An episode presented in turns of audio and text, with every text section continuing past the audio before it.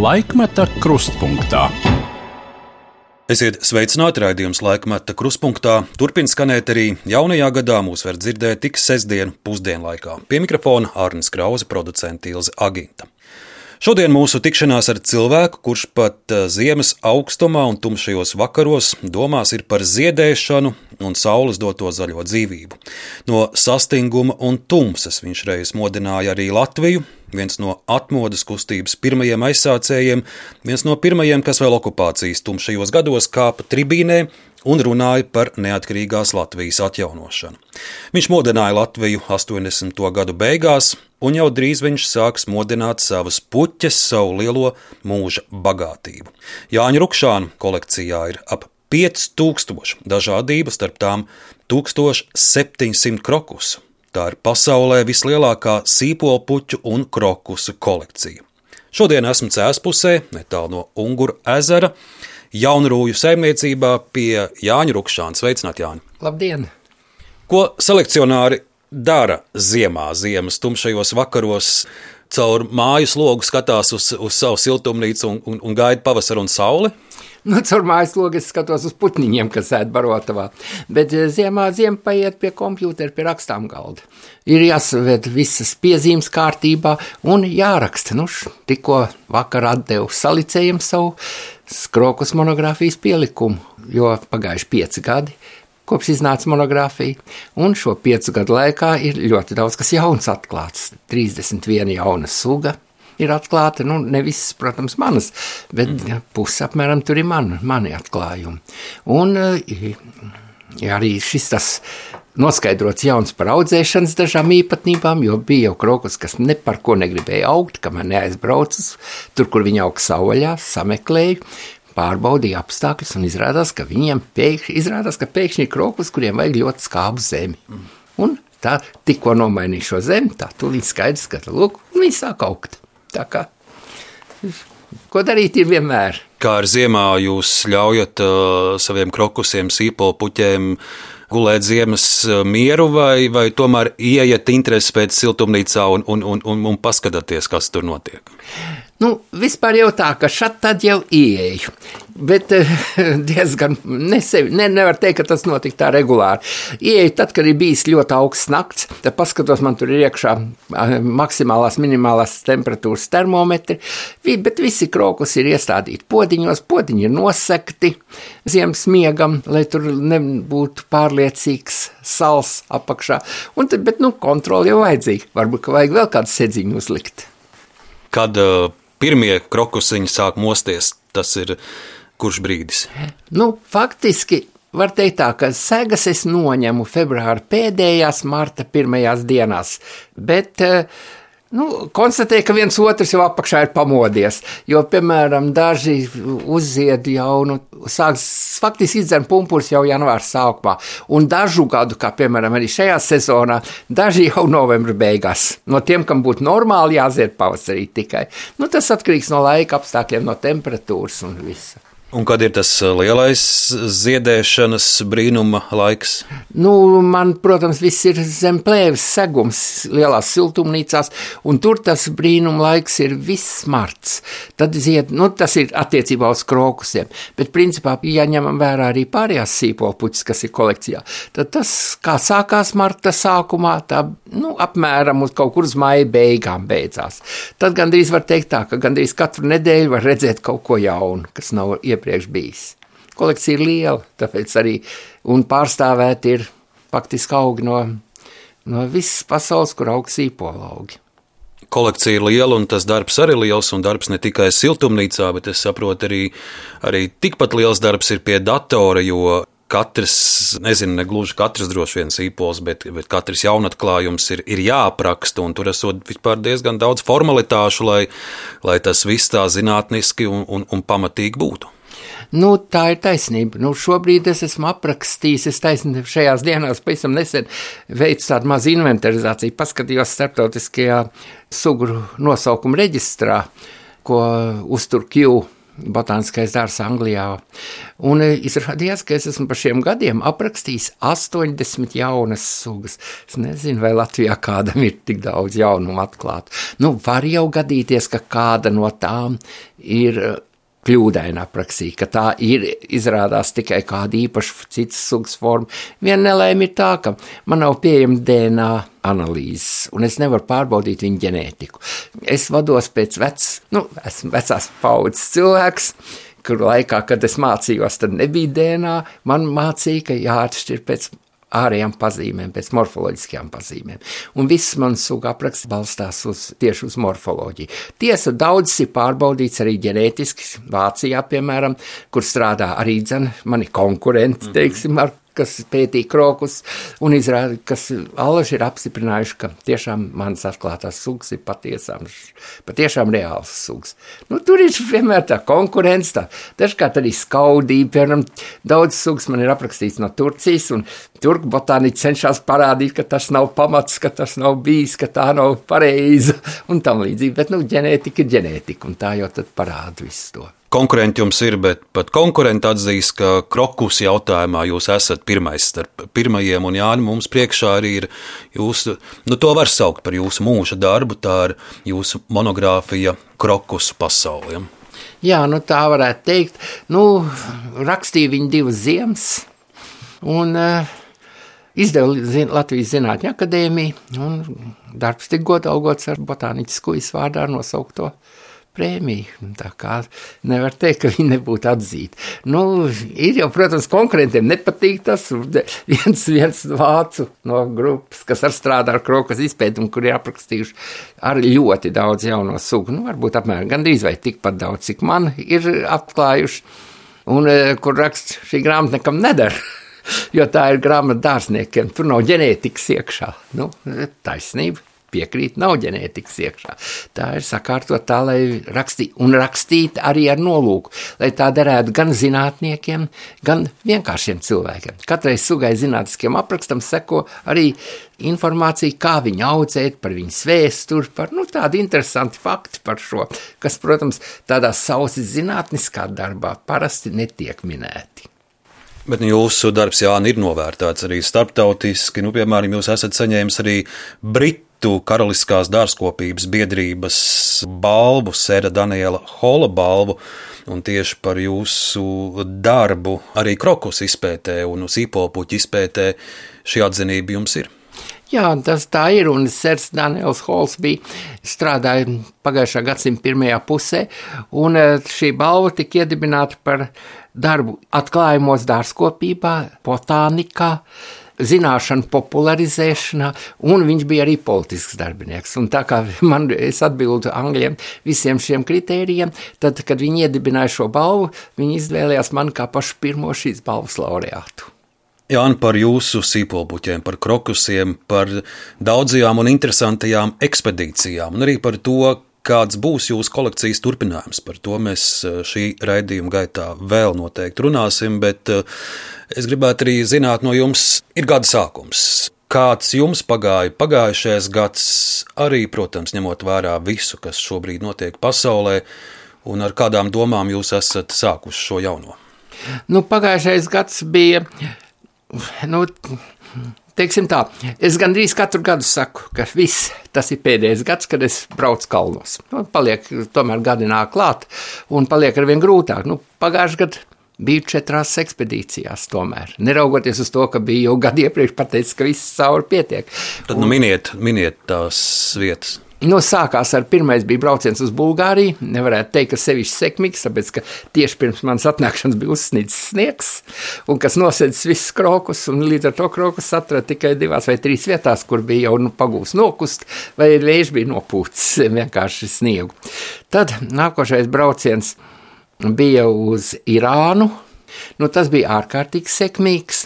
Tur uh, tika atklātas astoņas astoņas jaunas krokusu sugas, divas jaunas puškīnijas sugas, viena erantes suga jauna, vairākas vēl nepublicētas gan tulpju sugas, kas noteikti būs jaunas. Tā kā bija nu, tik sekmīga ekspedīcija, vēl nebija bijusi man jāsaka tā, atklājuma ziņā. Un pēc tam bija Maķedonija, nē, pēc tam bija Grieķija, Peloponēs, kur meklēja krokus, kur, diemžēl, neatrada, jo bija par vēlu, bet atrada citu krokus, kas bija ļoti interesants.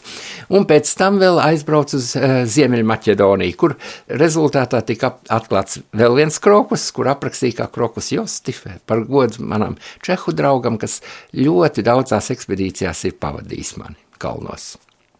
Tā kā gads bija ļoti ražants.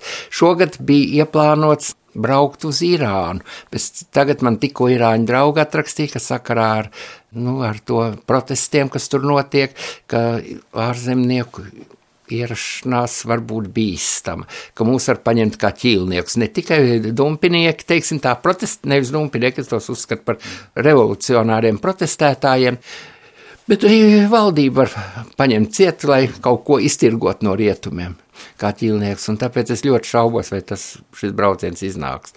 Pēc tam man ir dažas veselības problēmas, kas jānokārto šajā pavasarī, un līdz ar to var būt aizbraukšu tikai uz Peloponesu, kur tur, kur pagājušajā gadā neatrada krokus. Pagājušais gads, Jāni, protams, ir aizvadīts arī Ukrainas kara zīmē, un uh, jums arī kāds stāsts par Ukrajinu. Protams, ir bijušas daudz ekspedīcijas, bet es lasīju, ka viens ukraiņu selekcionārs uh, jūsu uzvārdā ir nosaucis vienu šķirni. Kāds ir šis stāsts? Nu, tā nav šķirne, tā ir suga, teiksim tā, jā. Bet uh, tā, jā, tas stāsts ir ļoti interesants. Es zināju, kad gadu strādāju pie monogrāfijas, man um, Dāņu botāniķis, kas ir sarakstījis milzīgu divsējumu darbu par Grieķijas floru, atsūtīja Grieķijā atrasto krokus sarakstu. Un tas bija Karpātos salā, bija minēts viens krokus, kur iepriekšējie atradēji bija devuši, nu, nosau, bija nosaukuši, bet nu, bija skaidrs, ka tas nosaukums neatbilst patiesībai, ka tur šī suga nevar augt. Nu, un es braucu uz turieni to noskaidrot. Aizbraucu pirmo reizi, uzkrits sniegs. Viss, kalni, viss, viss nav ko meklēt, zem biezas sniegtu neko neatradīs. Aizbrauc otrais. Viss nokus, viss noziedējis. Tajā pašā gadā pēc mēneša tikai aizbrauc, bet viss jau noziedējis, atkal neatrada. Un tā es braucu šo krokus meklēt četras reizes. Nu, ceturtajā reizē, nu, vienam braukt ir riskanti, protams, lai gan es divreiz tur biju viens pats bet uh, pasauc līdz savu ukraiņu draugu. Mēs aizgājām katrs pa dažādām takām augšup. Nu, viņš atrada šo krokus, es atkal neatradu. Nu, un tad viņš sagatavoja viņu aprakstu. Un nolēma, teica, ka nu, viņš grib to nosaukt manā vārdā. Nu, es gan biju arī pirms tam nosaucis viņa vārdā. Krokus, kas auga Vai tagad tā, kur tur ir Irāna? Vienu Irānas krokus atļāvos nosaukt viņu vārdā. Nu, ar diviem mēs esam ļoti daudz ceļojuši kopā. Dimitrijs Zubovs, jā, un viņš nāk no Doņetskas, un tagad dzīvo pie Kijavas pievārtē, un mēs pēdējais, kur mēs bijām kopā Ukrainā, tas bija Krimā tieši pirms iebrukuma tur un Krimas okupācijas. Un e, no turienes es aprakstīju Krokus Puringi, tas ir latviešu botāniķis, kas strādāja Krimā pagājušā gadsimta pašā sākumā un aprakstīja tur augošo Krimas krokus, krokus taurikus. Un tad es nospriedu, ka tur augošo rudenī ziedošo, vienu no tur augošiem rudenī ziedošo, nosaucu par puriņu krokus, krokus puriņgi, Nikolai Puriņgi, viņam bija tā laika botāniķa vārds. Un, e, protams, ka tā situācija ir ārkārtīgi traģiska, un es šogad esmu noziedojis jau trīs savas pensijas Ukrainai, Ukrainas armijai, Ukrainai, Un, jā, esmu, principā esmu nolēmis arī savu automašīnu ziedot Azovu pulkam, kas man tagad ir. Man tikai jā, jāiegādājas, ar ko braukt pašam šeit. Un, tā kā man ir četri, visi četri riteņi pieciņas Škoda Jeti, tad es to esmu nolēmis atdot Ukrainas Azovu pulkam tieši. Jums ar Ukrainu tā tad ir arī šī saistība, gan tas, ka jūs esat daudz pats tur bijis un, un, un, un pētījis un, un meklējis savā selekcijas darbā, bet jums ir arī Ukraiņu draugi. Ko viņi jums stāsta par šo karu un ko jūs no viņiem sajūtat, uh, ar ko šis karš beigsies? Nu, viņi ir pilnīgi pārliecināti, ka viņi uzvarēs. Ka tur nav. Tur viņi par to absolūti nešaubās, ka uzvar būs, nu, bet raksta, ka ir ļoti grūti ļoti grūti. Un, un tā kā tagad tās attiecības Ukrainai, Dīma man tieši rakstīja, mēs plānojuši bijām, ka brauksim šogad uz Irānu kopā.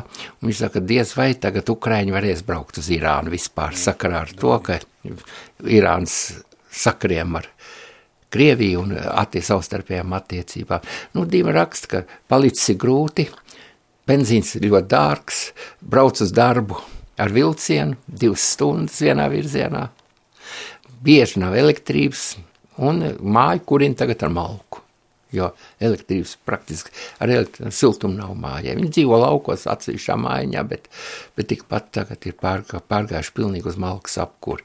Viegli nav, Nu, viņš ir ārsts pēc pamatprofesijas, bet nu, ģenēti, ārsts ģenētiķis, teiksim tā. Un, Daudz, ļoti liels auga entuziasts, aprakstījis daudz, arī atklājis un aprakstījis daudz jaunas sugas.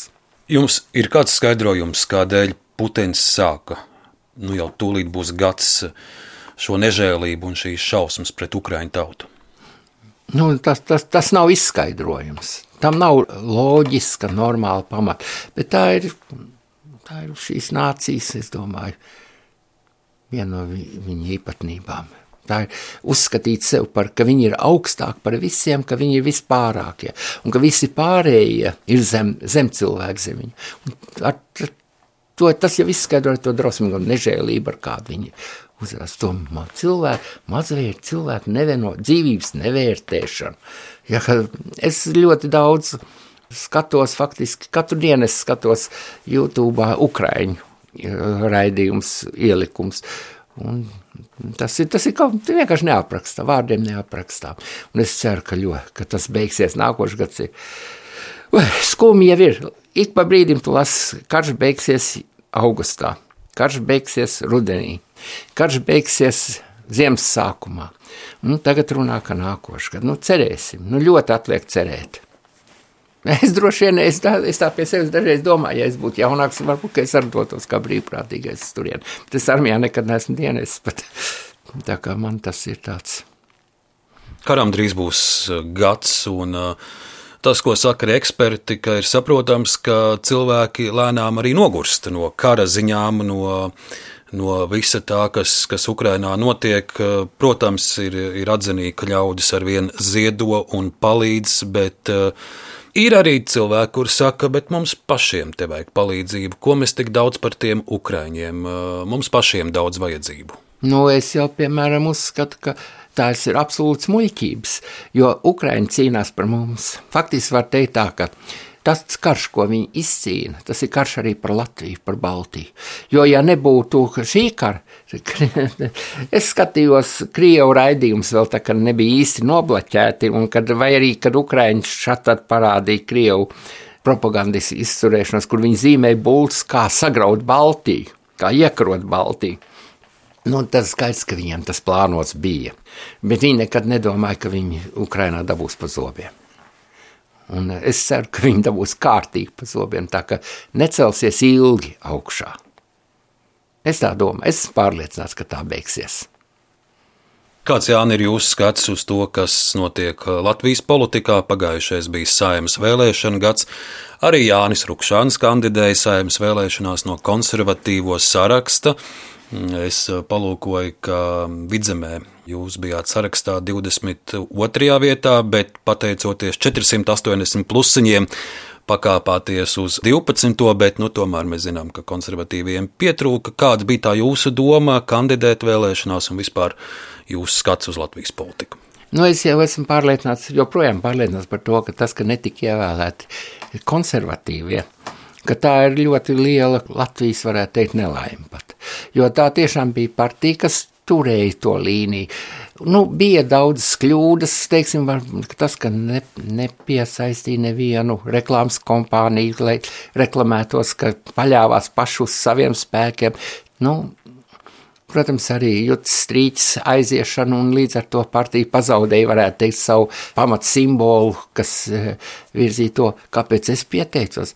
Es faktiski daudz neplānoju ka būšu deputāts. Un tā, kad es piekrītu, es teicu, tā man pilnīgi vienalga, kurā numurā jūs liksiet. Variet likt kaut kā pašu pēdējo. Ja es ar savu, ja mani vēl atcerās, un es ar savu vārdu varu dot savu ieguldījumu, tad lieciet man sarakstā. Ja nē, nē, es apvaino, apvainojos par to nebūšu.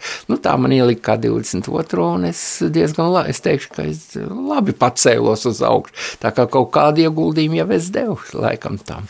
Bet, nu, tas, ka nav konservatīvo valdībā, es domāju, ka tas ir trūkums liels, jo tie, tā būtu tomēr liela bremze, un par daudziem ievēlētajiem man ir koalīcijas deputātiem, man ir tā. Vied, nu, tāds diezgan slidens viedoklis, teiksim, tā varētu nu, kas tur viņiem ir tāds slidens? Nu, man nepatīk. Man nepatīk viņu iepriekšējās rīcības, man nepatīk viņu darbība agrāko, agrākajās partijās, kur viņi ir bijuši. Un tas man bailes, ka tas tiks pazaudēts, tas tā cīņa pret, kas ir pret mūsu valsts galveno ienaidnieku, tā ir korupcija. Man bailes, ka tas, tas zaudēs savu asumu un ka būs šajā ziņā atkāpšanās. Nu, es ļoti priecājos par to, ka nav paristi, lai gan tur bija mana meita. Es tieši gribēju vaicāt, kā arī ar nevienu konservatīvie netika, bet arī jūsu meitas dacis attīstībai par netika saimē. Jūs par to priecājaties? Es par to priecājos, tāpēc, ka pleša, es ārkārtīgi nevarēju ciest plešu, jo es esmu absolūts azartspēļu pretinieks. Un eh, arī tad, kad kandidēju šeit uz novada pašvaldību, es uh, savā programmā ierakstīju, ka cīnīšos par to, lai tiktu slēgtas visas azartspēļu zāles Cēs novadā. Nu, tieši paristi bija tie, kas faktiski darbojās kā azartspēļu lobbyisti. Un tāpēc es katrā ziņā priecājos, ka es domāju, ka viņiem ļoti lielu ļaunumu nodarīja plešs tieši. Ja nebūtu pleša, es domāju, ka viņi tiktu saimā iekšā. Nu, tur jau pietrūka vien 250 nedaudz. Jā, tur, jā tiešām tikai pārsimts balss pietrūka viņiem, lai viņi tiktu ievēlēti. Jūs ar meitu Daci daudz runājat par politiku, vai varbūt pat strīdaties par politiku? Nē, mēs īpaši nestrīdamies. Mēs tu, tā, ka, kaut arī vasarās mēs dzīvojam 15 km attālumā tikai. Bet nu, es tur aizbraucu, uz tām mājām braucu, tā, kad man ir jāstrādā pie bitēm, jo tur man stāv bišu draugu. Tā kā ar to ir. Tad, tad mēs, tad, protams, aizējām, bet nu, pārsvarā mēs runājam par sadzīves lietām, par savām ģimenes padarīšanām un tā kā bērniem, mazbērniem iet un tādas lietas, bet par politiku ļoti maz runājam. Bet mēs šodien par politiku vēl runāsim. Šis ir arī Latvijā prezidenta pārvēlēšanas gads. Kā jūs novērtējat Egila Levita līdzinējo darbu, un, un vai jūs prāt viņš būtu jāpārvēl, vai mums jāmeklē cits prezidents?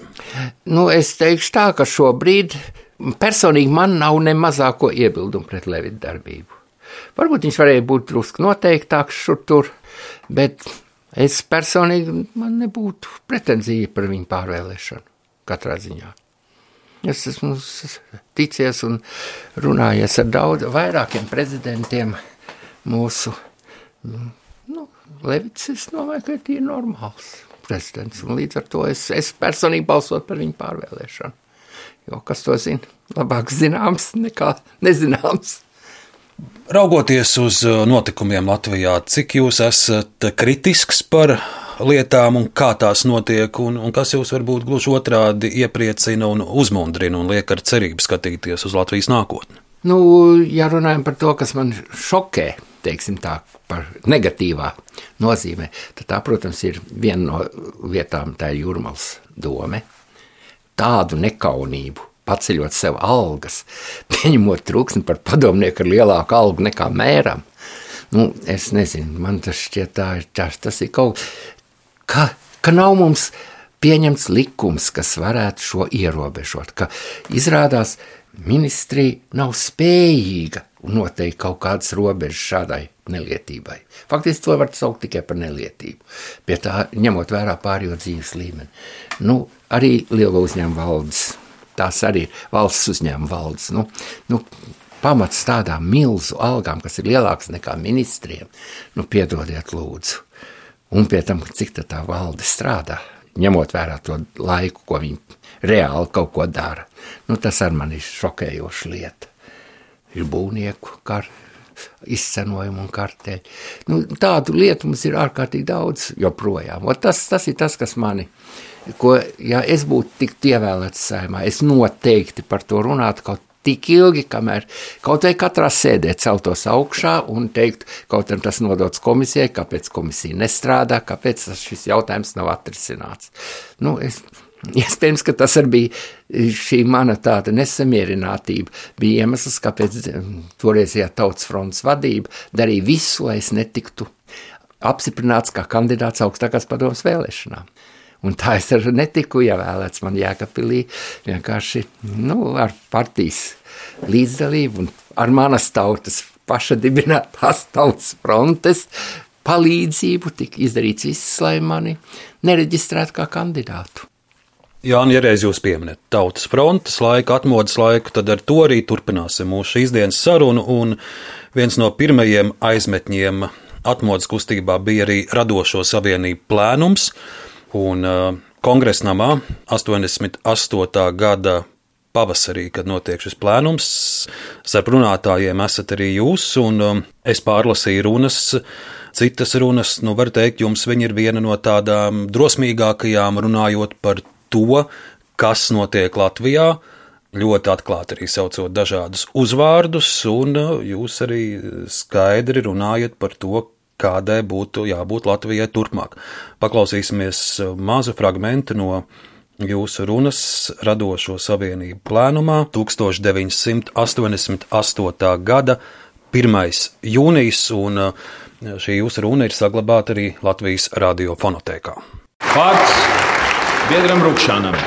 Ļoti lūdzu runātājus nākt tuvāk, kas ir jau zināmi.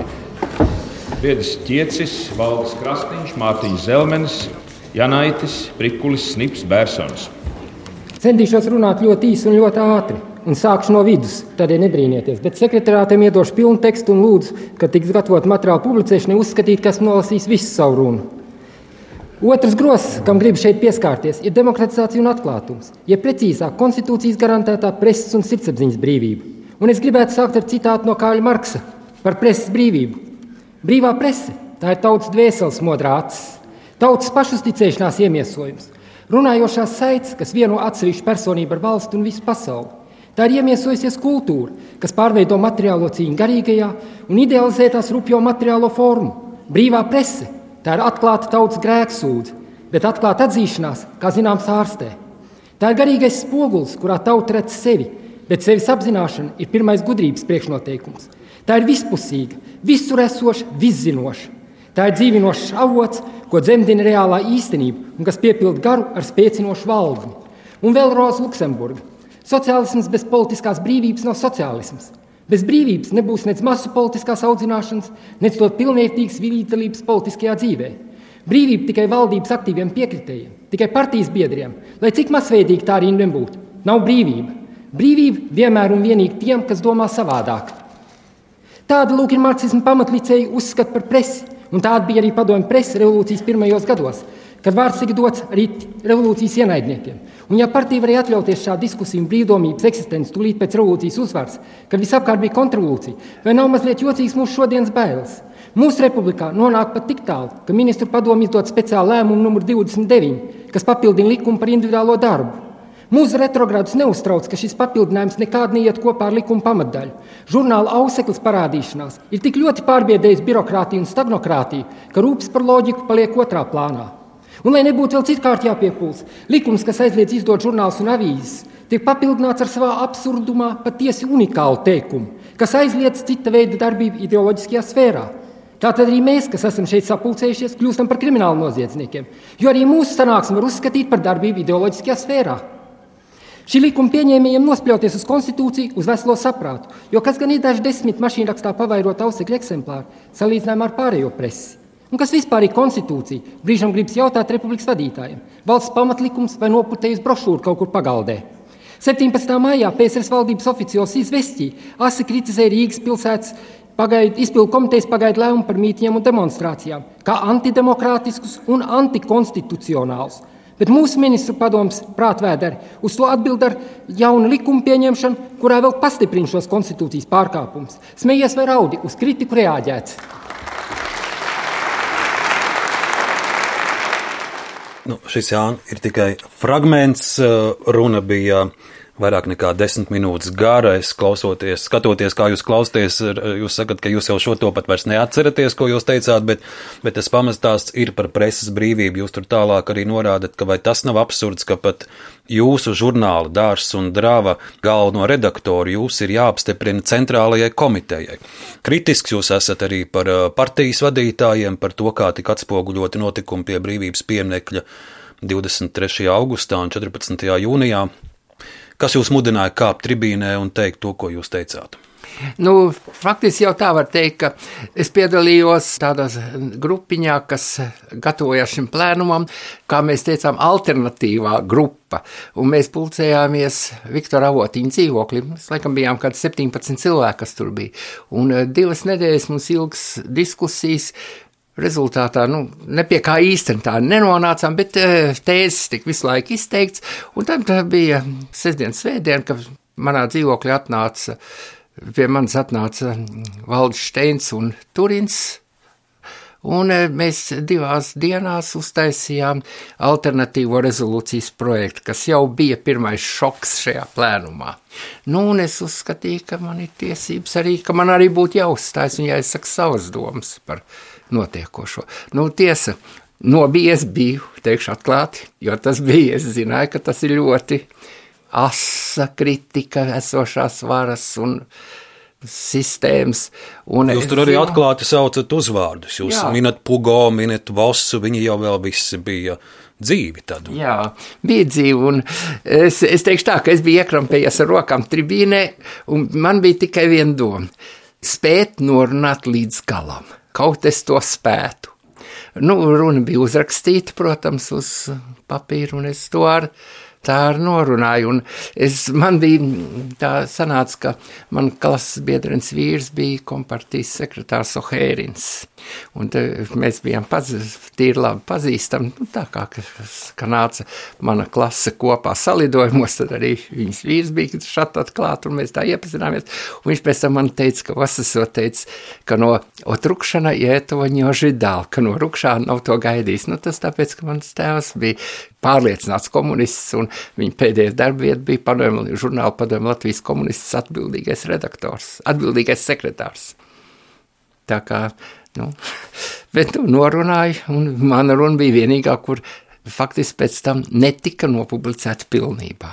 Visas pārējās runas nopublicēja, bet no manējā, manējās tika izsvītrots. Nu, jā, nu es atrodu laikraksts literatūra un māksla 88. gada jūlijas. Jūsu runa te ir publicēta, bet ar redakcijas piebildi.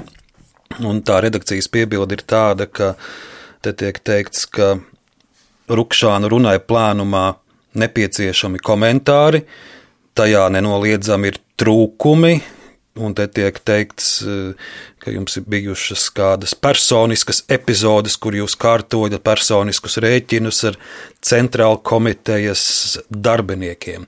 Bet nu, literatūra māksla uzskata, ka tomēr neraugoties uz šiem jūsu personiskiem rēķiniem ar centrālu komiteju, šī jūsu runa ir jānopublicē, un, un, un tā ir saglabāta. Jā, nu viņi tika, eh, lielākā daļa, lielākā daļa no viņas tika publicēta, jā, tā ir taisnība, jā. Šeit jūs runājat arī par to, kas notiek ar izglītību, kas notiek ar bērnu dārziem, ka nevienmēr eh, latviešu bērniem ir vieta, kur mācīties. Arī, arī šīs lietas jūs aktualizējat.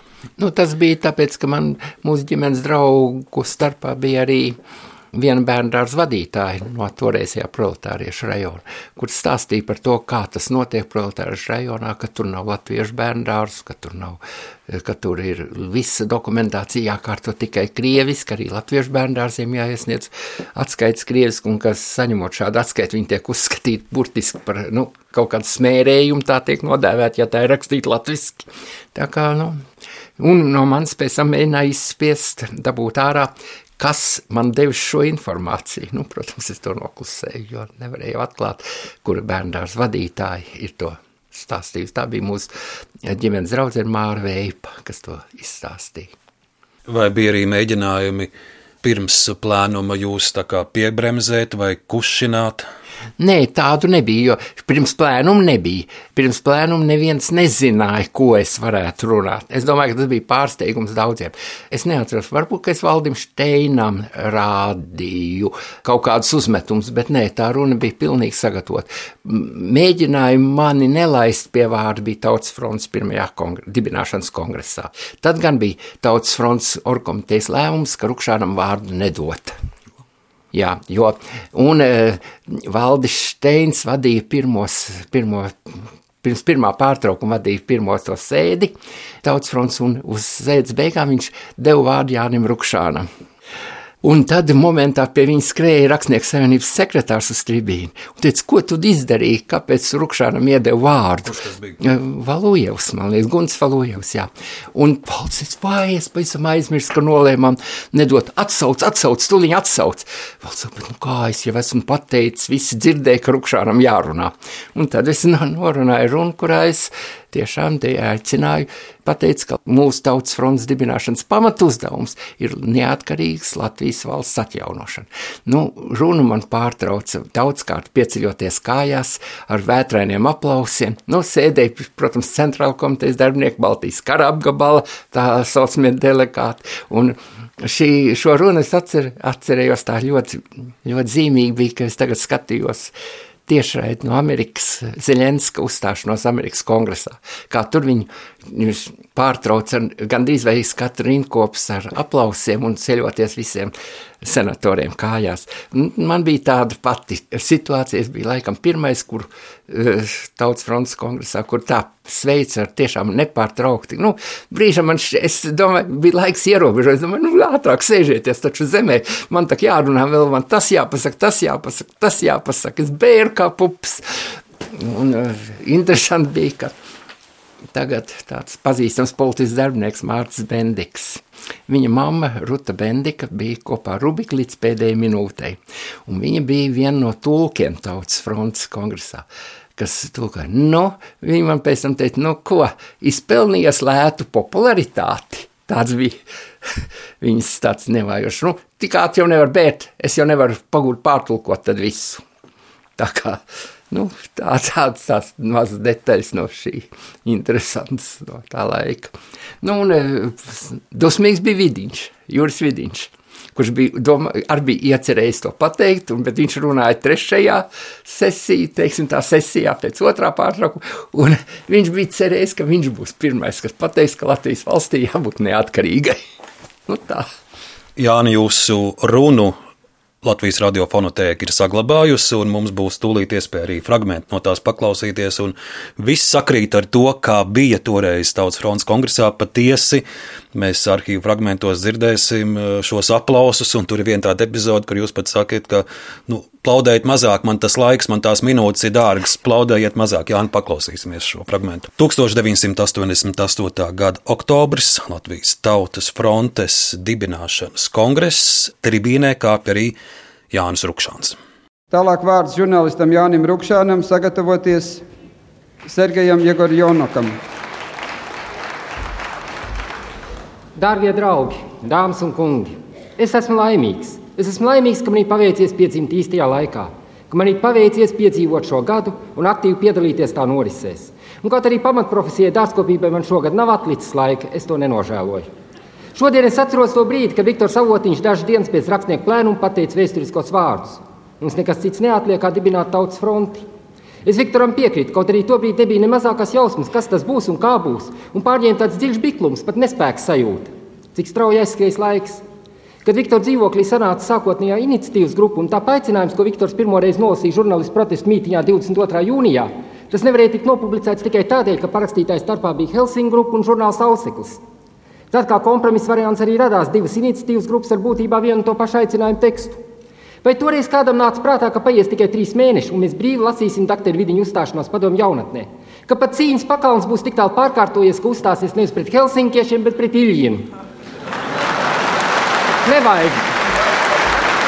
Un es nolieku galvu Helsinku grupas priekšā, kas pirmie pārāva baiļu aizsprostu, kas pirmie izstrādāja atzīšanas programmu. parādot nevis politisku aklumu,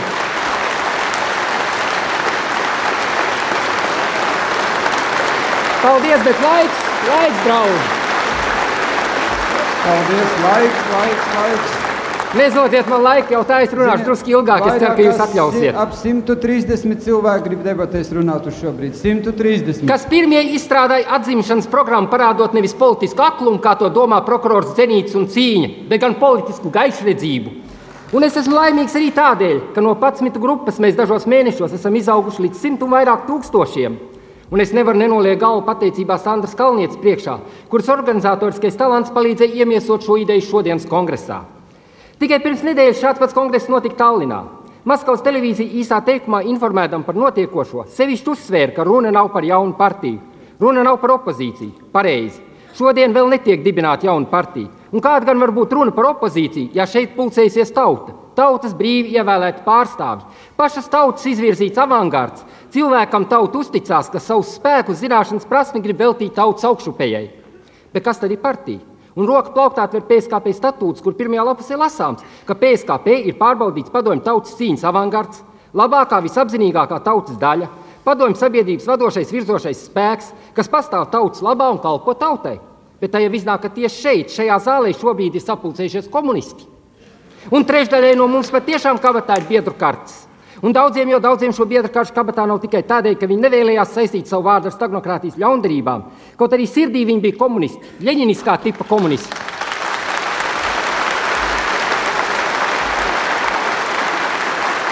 Bet šonadēļ notika vēl viens komunistu fórums. Tas notika otrdien Kirovielā. Kā tad ir atšķirība starp šiem abiem fórumiem? 4. oktobra sajietā tika ignorēta tautas vairuma griba, un par partijas vadītāju tika ievēlēts cilvēks, kurš vēl pērn televīzijas ekrānā draudēja tautai ar represijām, un tauta to nav aizmirsusi. Nu, ko cerēsim? Cerēsim, ka par republikas suverenitāti Jānis Vagris cīnīsies tikpat drosmīgi kā pērn 17. novembrī ar Amerikas imperialismu.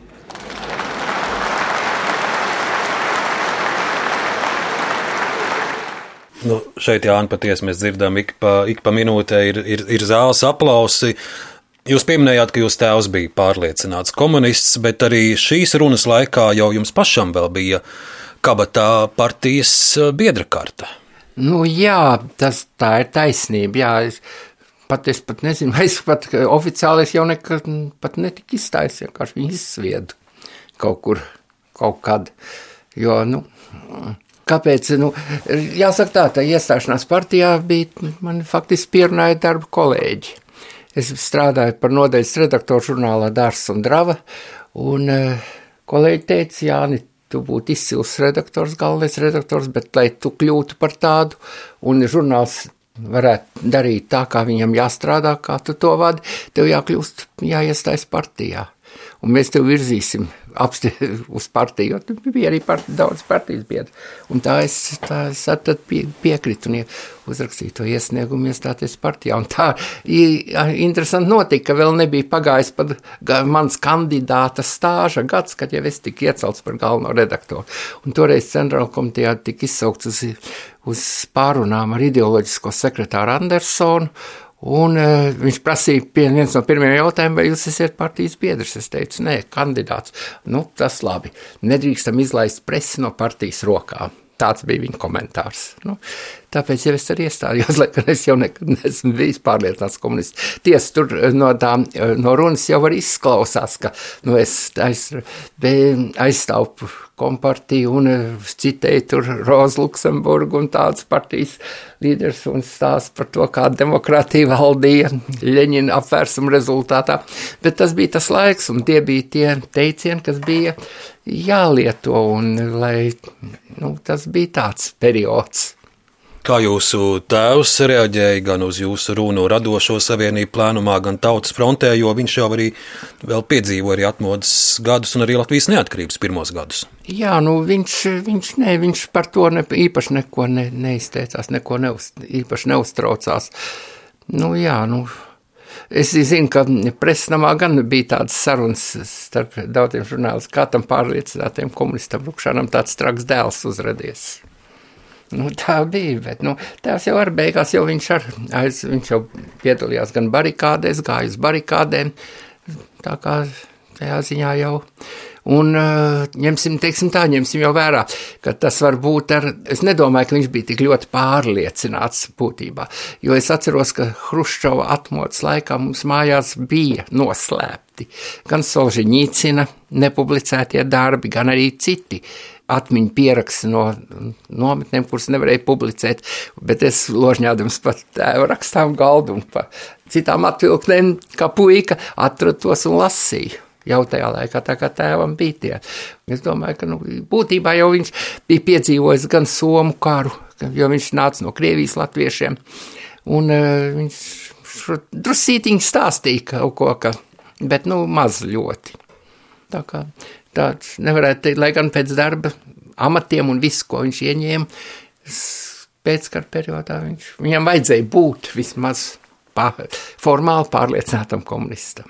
Nu, jāpiemina, ka nevienā laikrakstā padomju Latvijas komunists jūs tēvs strādāja, bet viņš bija arī literatūras zinātnieks. Viņš bija tulkotājs un arī, arī žurnālos Dādzis, Zvaigzne un, un, un citos strādājis arī divu monogrāfiju autors par dzēnieku Valdu Luks un Andreju Balodi. Tur plašs tas darbu spektrs, bet jābereiz par dzimtu. Jums ir jūsu dzimtai interesants stāsts un varbūt neierasts stāsts, jo tas saistās arī ar jūsu vecstāvu, kurš dzīvoja Latviešu kolonijā Bakaldīnā, Baškarkastānā. Tātad jūsu vecstāvs ir arī Jānis Rukšāns, vai viņam bija vairāk pseidonīmi, Jānis Basmalietis, Jānis Līdumnieks.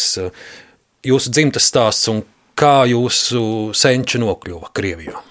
Nu, cik es atceros no tēva stāstītā, ka Un viņš atkal no savu uh, vecāku stāstīja, ka viens no mūsu senčiem, kas faktiski nav bijis uzvārds Rukšāns sākumā, bet viņš ir piedalījies poļu dumpī sacelšanās. Un, lai izmuktu, tad nomainīs uzvārdu, pieņemot šādu uzvārdu un ar aizbraucis uz bažu dzīvot, aizmucis faktiski uz Baškīrī, kur dāļāja zemes arī eh, baltiešiem, kur varēja, un tur viss veidojās latviešu ciemati. Nu, 37. viņš bija tēvs, bija vectēvs, respektīvi mans bija ārsts pēc profesijas, apgabala galvenais ārsts pie tam, un 37. gadā viņš tika represēts un nošauts un kā latvietis jau tajā laikā, jo tad tika veikts genocīds pret latviešu tautu visā Krievijā. Un tēvs bija beidzis felčera skolu, bet, nu, faktiski Krievijā, padomju Krievijā, felčers jau bija ļoti izglītots medicīniskajos jautājumos, un viņš faktiski strādāja, bija ļoti lielā rajonā vienīgais mediķis. Un kā viņš pats teica, viņam nācies gan dzemdības pieņemt, gan lūzums ārstēt, nu, praktiski plašu profilu.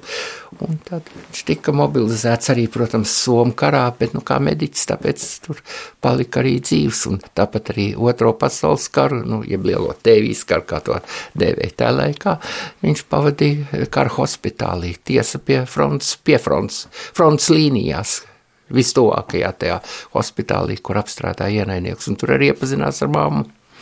Un apprecējās 45. gadā, kad beidzās karš. Un tad sanāk, ka jūsu tēvs eh, pirmo reizi Latviju ierauga vien 25 gadu vecumā, jau pēc kara, jo pirms tam jau viņš šulmaņa laikos šeit nemaz nebija. Jā, nebija. Viņš eh, tiešām pirmo reizi ieradās Latvijā 45. gadā, un pēc tam pamazām atbrauca arī citi rādi. Arī vecmāmiņa atbrauca no Baškīrijas. Un, arī citi mūsu rada gabali. Ģimene runāja latviešu valodā, krievu valodā? Ģimene runāja tikai latviešu. Nu, krievu valodu es iemācījos, tāpēc, ka dzīvoklis tika kom, kom, es, sakomplektēts, sa, saspiests, sakompresēts, teiksim tā. Un ieva, ielika dzīvoklī arī vienu krievu ģimeni, bet ar Latvijas krievu ģimeni. Un tiem arī puiku un meitu, un mēs jau bērni jau kopā tad jau valodu ļoti ātri apgūvu viens otru. Viņi runāja tikpat brīvi latviešu, cik, mēs, cik es brīvi runāju krieviski, un tad tādā veidā apguvu arī krievu valodu. Es vēl Jānis, gribēju pie tās tautas fronts runas un fragment, ko mēs dzirdējām no tā laika ideāliem, kas ir piepildījies. Un, protams, mums ir neatkarīga sava valsts, un, un kur jūs redzat, ka Ka nu nav, nav tā, kā, kā jūs toreiz ar, ar kādu skatu uz Latvijas nākotni raudzījāties. Nu, redziet, te man bija tāds interesants raksts. Vienreiz es uzrakstīju, lai domāju, ka padomu jaunatni to nopublicēja. Virsraksts bija tāds kaut, kaut vīzēs, bet brīvā Latvijā. Un kāds pag, bija pagājuši daži gadi, jau mēs jau bijām neatkarīgā Latvija, un es gāju Rīgā pa ielu, un man pēkšņi pienāk viens cilvēks, viens tāds gados cilvēks un saka, nu ko, tu esi tas rupšāns? Es saku, jā. Nu ko, dabūji savu brīvo Latviju un vīzes kājās. Nu, protams, ka es būtu daudz priecīgāks, ja mēs būtu, ja mums tā attīstība būtu bijusi straujāka, ja mums nebūtu vai, tik ārkārtīgi daudz nelietību, tik ārkārtīgi daudz korupcijas. Un es domāju, ka ļoti lielu lomu te nospēlēja klubs 21, kur salasījās cilvēki ar pieredzi. Nu, jā, mums tautas frontē nebija pieredzes vadības, un tāpēc vadošos amatos iegāja ļoti daudz vietas ieņēma bijušie kompartijas darbinieki. Kopā ar trimdas latviešiem. Nu, trimds latvieši, man liekas, bija mazumā ļoti. Katrā ziņā viņiem nebija nekādas īpašas teikšanas. Un te bija ļoti lielu ļaunumu nostrādāt. Nu, kā saka, privatizācijas likums, kas bija faktiski uztaisīts, ko uztaisīt tikai tam, lai daži cilvēki varētu sagrābt mežonīgas bagātības. Nu, tās, tās, tās bija viena no lielākajiem trūkumiem. Nu, ko, ko darīs? Vēstures ratu atpakaļ nepagriezīs. Kas ir, tas ir. Un katrā ziņā, nu, es domāju, ka mēs dzīvojam tomēr labāk. Protams, ir ārprātīgi neiedzība. Tas šausmīgi zemās pensijas tiem cilvēkiem, kas visu mūžu bija nostrādājuši kolhozā padomju sistēmā.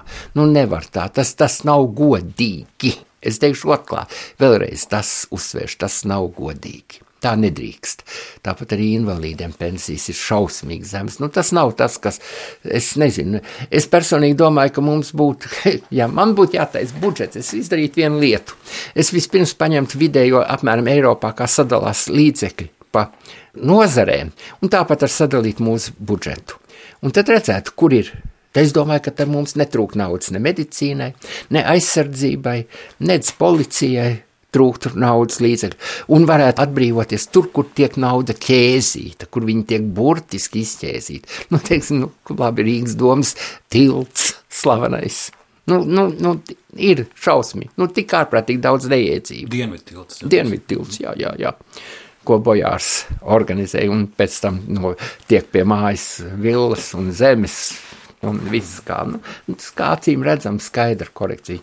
Nu, misters 20. Nu, nu, nu, nu, tas, ka šos cilvēkus nevar paņemt priekšā, bet nebija jau gribēšanas, nebija jau tāds vēlmes to darīt. Un tas viss ir, nu, tas, tas ir novedis pie tā, kur mēs šobrīd esam. Labi, es strādāju no rīta gaismas līdz gaismai, viss, man sieva strādā no gaismas līdz gaismai dārzā, un mēs nopelnam, mēs dzīvojam normāli. Es pateikšu tā, ka es tagad, ka es paskatījos, no nu, labi, salīdzināšu ar savus meitas algu kā deputāti. Mans bruto ienākums no manas saimniecības ir apmēram tāds pats kā viņas alga. Vai es dzīvoju slikti? Es uzskatu, ka es dzīvoju ļoti labi. Nu, vai man vajag Mercedes? Nu, man nevajag Mercedes. Es braucu ar savu deviņus gadus veco Skodu Yeti. Viņa kustās labi, šur tur parūsēs, bet vai tas man traucē viņa, ar viņu pārvietoties? Es varu atļauties vakarā izdzert glāzi vīna, laba vīna, ja es to vēlos. Es dzīvoju absolūti normāli. Un tas ir brut, mans bruto ieņēmums, no kuras es apmaksāju visus darbus, visus mēslējumus, visu tehniku, visu, kas man ir vajadzīgs, tas, nāk, tas man nāk no, man paliek pāri, nu pat puse nepaliek pāri, kad es nomaksāju nodokļus un vispārējo. Nu, paliek, jā, bet es ar to mierīgi varu izdzīvot un dzīvot labi. Es izbraucu kalnus, es izbraucu ekspedīcijas, es, Nu, es, es sev faktiski varētu teikt, es aizēju reizi mēnesī uz restorānu paēst pusdienas, lai būtu tāds svētks sev. Nu, es dzīvoju labi. Es un Jānis saprot, pa, Jānis saprot par elektrības rēķiniem, arī tas krēķis nav tik liels, jo es atbraucot, pirmais, ko pamanīju, bija saules baterijas uz jūsu jumta. Nu, faktiski pirmais, ko mēs ierīkojam, bija zemes siltums, zemes siltuma apkuri.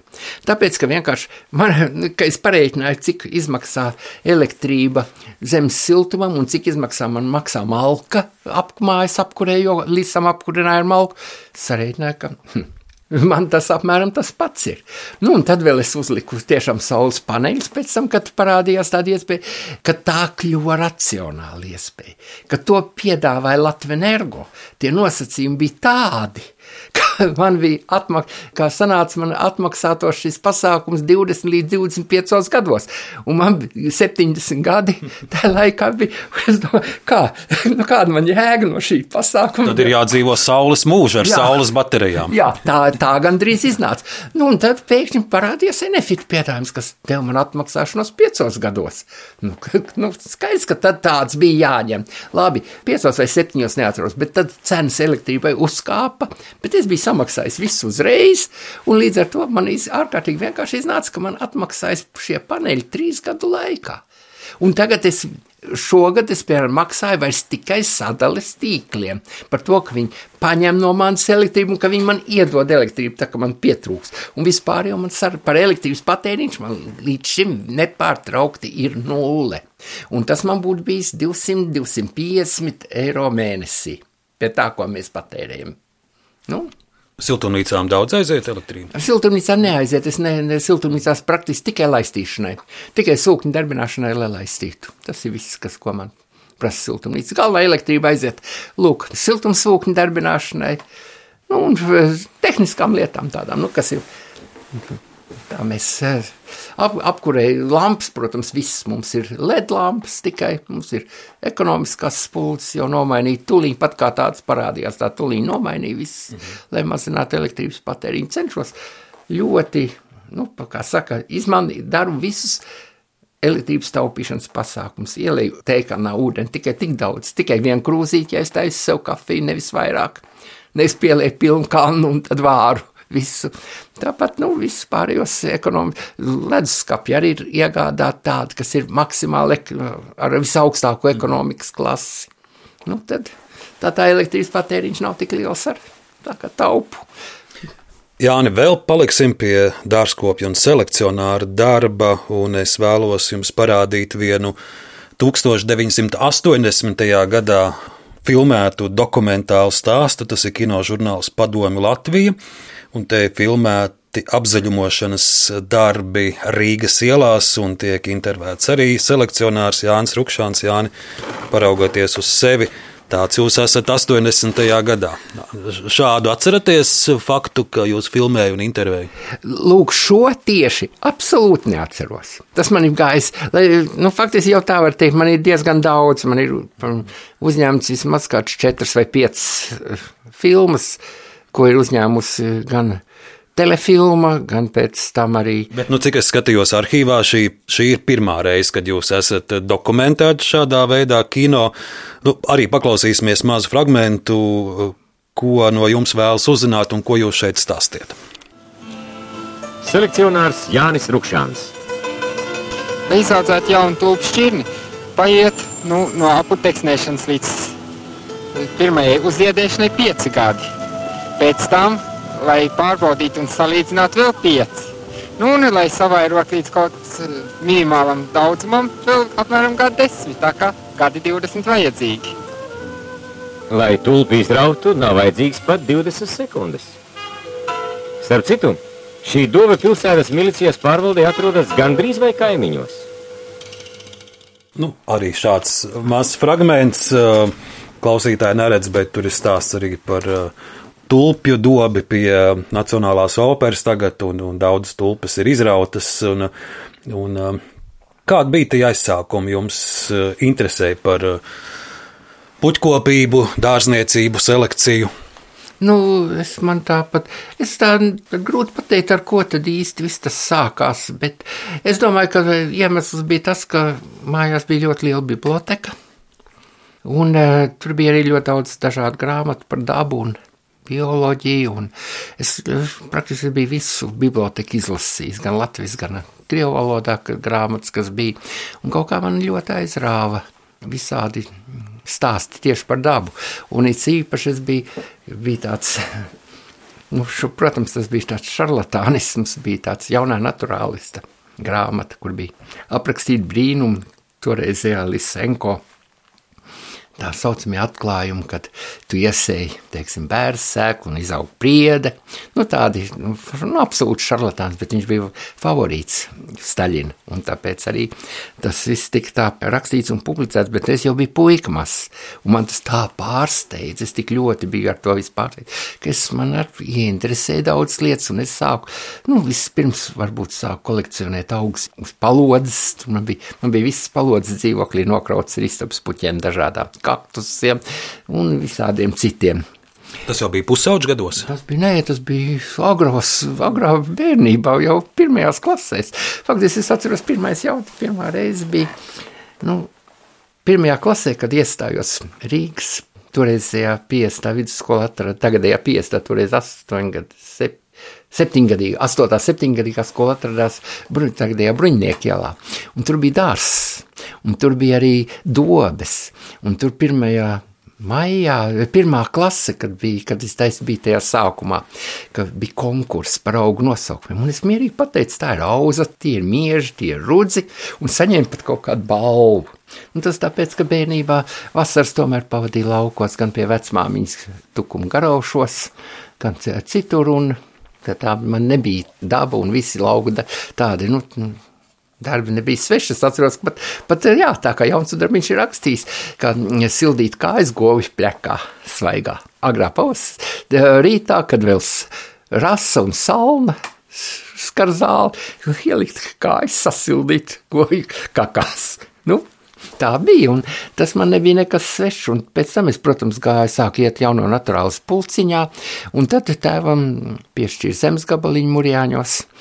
Nu, un vasarnīcas celtniecībai, un nav.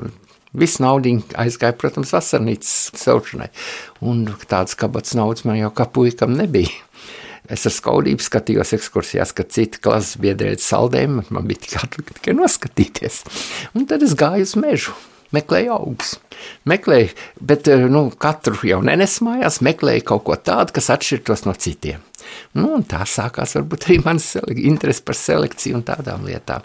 Tas bija apmēram, kad man bija kādi 12 gadi apmēram. Jā, jā, 12 gadu vecumā. Tad var teikt, ka es sāku audzēt savus augus dārzā. Jā. Interesi par selekciju, bet arī interese par publicistiku un žurnālistiku. Un šeit, Jānis, atrodu, tas ir uh, žurnāls Liesma 1978. gads, vai šo jauno cilvēku ar gariem matiem jūs atpazīstat lielā krāsainā fotografijā? Nu, protams, ka atpazīst, jo mati jau man bija diži vareni, vareni liela. Tā ir, tas ir uzņemts Uzbekijā, Agalikas upes augštecē, kur es esmu aplicis sev ap kaklu čūsku. Tiešām, es nemaz nebiju pamanījis. Jā, Tiešām tā, ir, tā ir nekaitīga, tas ir faktiski tā saucamais žolto puziki, jeb dzeltenvēderi, kura nevar iekost, viņai maz mutīti ir tik ļoti, bet tā tur ir ļoti izplatīta, un to, tāpēc to varēja tā droši aplikt sev riņķī ap kaklu. nobildēties tādā veidā. Eksotiski bildi, tā man, jā, tā man joprojām ir. Arī mazs citāts no žurnāla Liesma 78. gads. Pirms vairākiem gadiem, kad Jānis Rukšāns stājās žurnālistu savienībā, bija jāatbild uz jautājumu, kas valda viņā - žurnālists vai puķkopis. Atbildi viņš jau sen bija atradis un vairāk kārt devis pats sev, tādēļ toreiz tikai kautrīgi pasmaidīja un teica, kā ir. Ja es nebūtu dārznieks, tad nebūtu arī žurnālists. Mani šoreiz interesē dārznieks, selekcionārs un puķu kolekcionārs Jānis Rukšāns. Par dārzniekiem un selekcionāriem lūk, vajag vairāk rakstīt. Viņu nemaz tik daudz nav. Turklāt dārznieku starp jaunākā gadagājuma ļaudīm vēl var saklaušināt, bet atrast selekcionārus ir gaužām grūti. Šāds fragments no 78. gada. Nu, es teikšu tā, nu, kāpēc selekcionārs, nu, kā laikam jau droši vien kaut kur man ir, man ir iekšā dziļi sēž kolekcionāri. Tāds niķis gēns, nu, esmu krājis gan alus pudeļu etiķetes, gan sērkociņu kastīšu etiķetes, pastmarkas, un ko tik neesmu kolekcionējis savā, savas dzīves laikā. Un tad pārgāju, protams, pie augu kolekcionēšanas. Un um, kas ir kolekcionāra būtības? Dabūt kaut ko tādu, kas nav citiem. Nu, protams, tas ir ekspedīcijas, tie ir kalni, kur tu atrod kaut ko jaunu, bet visvieglāk to darīt ir krustojot, izaudzēt jaunu šķirni, un tā, protams, būs, tad būs tikai tev un nevienam citam. Un tā, tāpēc es domāju, ka tas, tas arī bija viens no stimuliem, kāpēc nodarboties ar selekciju. Bet faktiski selekcija sākās ar to, ka, nu, ja neskaita to agro pamata iesākuma selekcija, kad gāju uz mežu un meklēju kaut ko citu, kaut ko atšķirīgu no citiem, kas arī, protams, tā ir selekcija, tas arī viens no selekcijas veidiem. Tad eh, tas bija mans eh, diplomdarbs Jelgavas lauks, lauksimnes akadēmijas beigšanai, kur es eh, tēmas biju izvēlējos sauvaļas tulpi sugu, starpsugu hibrīdi. Un tad krustoju, kā, kuras sugas ar kurām var sakrustot. Nu, radās sēklauģi, Un no tiem arī radās pirmās šķirnes. Tad, kā blakus produkts, man diploma darba blakus produkts. Mm, nu, kad jau ir vienreiz sācis, te jau tev tas aiziet, aiziet, aiziet. Ilgi krustoja tūps, pēc tam aizrāvos ļoti ar narcisēm. Man bija ļoti liela narcišu kolekcija, pusotrs tūkstots dažādību. Un uh, Bet, nu, gadi, laika, spēks, sapratu, ka ar to netiek galā, un kad holandieši man piedāvāja nopirkt visu manu kolekciju, visu savu, viss narcis, kā, kas man aug, es vispirms atteicu, bet pēc gada sapratu, ka tas bija muļķīgi, un tad piekrīt. Bet holandieši arī bija, ja viņi jau pirms gada man mēģināja nodzīt cenu uz leju, tad pēc gada vairs nestrīdējās par cenu, jo Tad bija mieru ņemt visu, un tā, viņa, tā manas viss man narcis kolekcija aizceļoja uz Holandi. Nu, tad es nodarbojos vēl ar cīrulišu selekciju, tur man ir vienlaikus bija tā, ka man bija vairāk kā pusi pasaulē radīto šķiņu bija tieši no nākuši no manis, un man skaitījās labākā cīrulišu kolekcija arī dzen, un Zviedri nosauc vienu cīrulišu sugu, manā vārdā, kur ir dāls ruksans. Tā kā man ir veseli divi augi. Ruksans ir arī gan krokus, gan cīrulīts. Jā, jā, tā kā veseli divi augi nes manu vārdu. Jāni, jūsu puķu darbs, jūsu zinātniskais darbs ir novērtēts ar trīs zvaigžņu ordeni. Jums ir arī bioloģijas zinātņu goda doktora grāts. Šis lielais darbs, šī lielā kolekcija, jūs noteikti arī esat domājis gan par jūsu darba turpinājumu, gan par kolekcijas turpinājumu. Nu. Tik daudz mūžu gadu tam visam veltīta. Nu, apbalvojumi ir gan arī atzinības krusts, man ir piešķirts, gan ministra kabineta balva. Tā kā faktiski visi civīlie apbalvojumi, kāda Latvijā ir iespējams tos saņēmis. Nu, tā ir faktiski tā darba turpinājums Tā ir lielākā Latvijas dārznieku selekcionāra traģēdija, var teikt. Jo cerēju, ka bērni varbūt kāds gribēs to darīt, bet tāda, es saku, tēti, mēs redzam, redzējām, ko tas no tevis prasa, tas ir darbs no gaismas līdz gaismai, bez atpūtas, bez brīvdienām, Nu, jā, tur jau vārda tiešā nozīmē saprot ar saliektu muguru, jo neviens jau cits kā pats selekcionārs Rukšāns tās eh, nezāles ar neravēs ārā. Jā, taisnība tā ir. Un kad meita vienreiz teica, es atceros ļoti labi, kā tu, mēs gribējām iet uz pludmali, Mūrjāņos uz gaujas, gaumalu peldēties. Tu saki, vispirms jāizravē šī tā dobe. Un tad varēsiet iet, labi, mēs dobu izravējām, un tad sāka līt. Kāda vairs pludmala? nu, mēs to negribam piedzīvot. Nu, tā ir vienmēr, es domāju, kas ar, notiks ar augiem, ar kolekciju. Nu, no vienas puses, kad es būšu tajā skatīšos no apakšas uz tiem augiem, tad jau man būs viena alga. Bet, nu, ceru, ļoti ceru, ka Latvijas valsts universitātes botāniskajam dārzam tomēr izdosies nokārtot finansējumu. Nu, pašlaik Teterefons ir kā ieinteresējies, lai uzcelt speciālu siltumnīcu maniem augiem, jo es esmu apsolījis un esmu nolēmis savu kolekciju dāvināt Latvijas valsts universitātes botāniskajam dārzam pēc, lai, un ne jau negaidot savu aiziešanu, bet katrā ziņā jau kolekcijas pamatdai pārvest uz turieni, tikko būs uzcelt siltumnīca priekš tam. Nu, ja nauda būs, ja universitātes vadība gribēs, un pats galvenais, ja atradīsies cilvēks, kas gribēs strādāt ar to kolekciju. Jo tas jau arī ļoti svarīgi. Lai tas nebūtu tikai tavs atalgotais darbs no, teiksim, 8 stundas dienā, darbdienās, un pārējā laikā tu pulkstenis nozan 5 un tu dodies projām. Nu, tad jau būs labi. Es atceros, kā mani uzskatīja, es strādāju vienu gadu Universitātes botāniskajā dārzā, man uzskatīja par traku. Jo iznāku Rīgā vakarā no teātra, Nacionāla teātra, izēja ārā. Es strādāju pie rozēm, pie rožu dārznieks bija Universitātes botāniskajā dārzā. Skatos, ārā ir mīnus desmit, debesis noskaidrojušies, sākties sals. Man vēl rožu pocām nav sagriezts, jo visu laiku bija silts. Es tā vietā, lai dotos pēc ar visu uzvalku, braucu kāpju iekšā, vēl tramvajā un braucu uz pārdaugavu uz botānisko dārzu un visu nakti griežu rožu podzarus. Lai tie neapsaltu, nu pēc tam sāls atlaidās un, protams, tas viss bija kā par velti. Jārok, jārok rožu pocelmi, lietas gāž kā ar spaiņiem. Es uzvilcu skrievu pufaiku, to saucamo vatņu, ko tagad sauc par vatņiku apģērbu. Un uh, roku tos podzars. Neviens dārzā nav lietas gāž baltu ūdeni.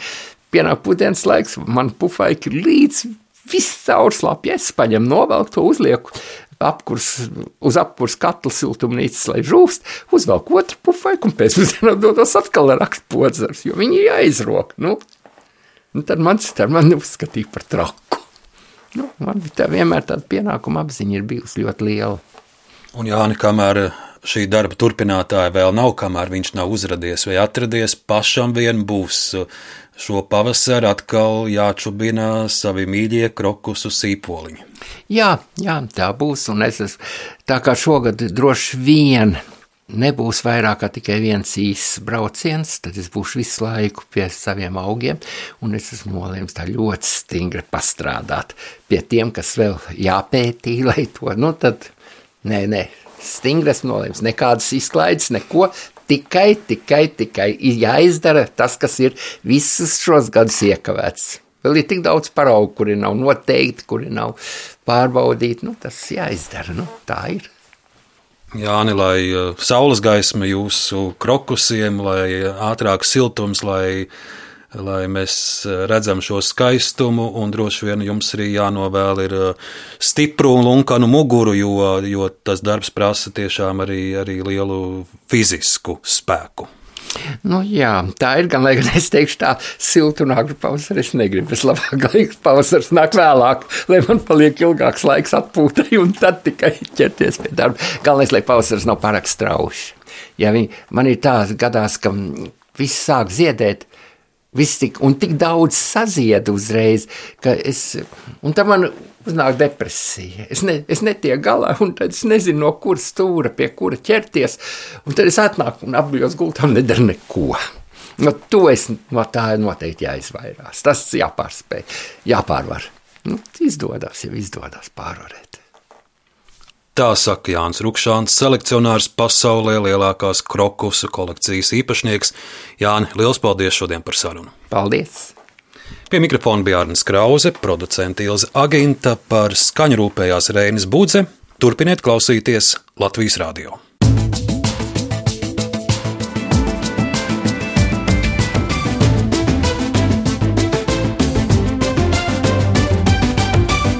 Laikmeta krustpunktā.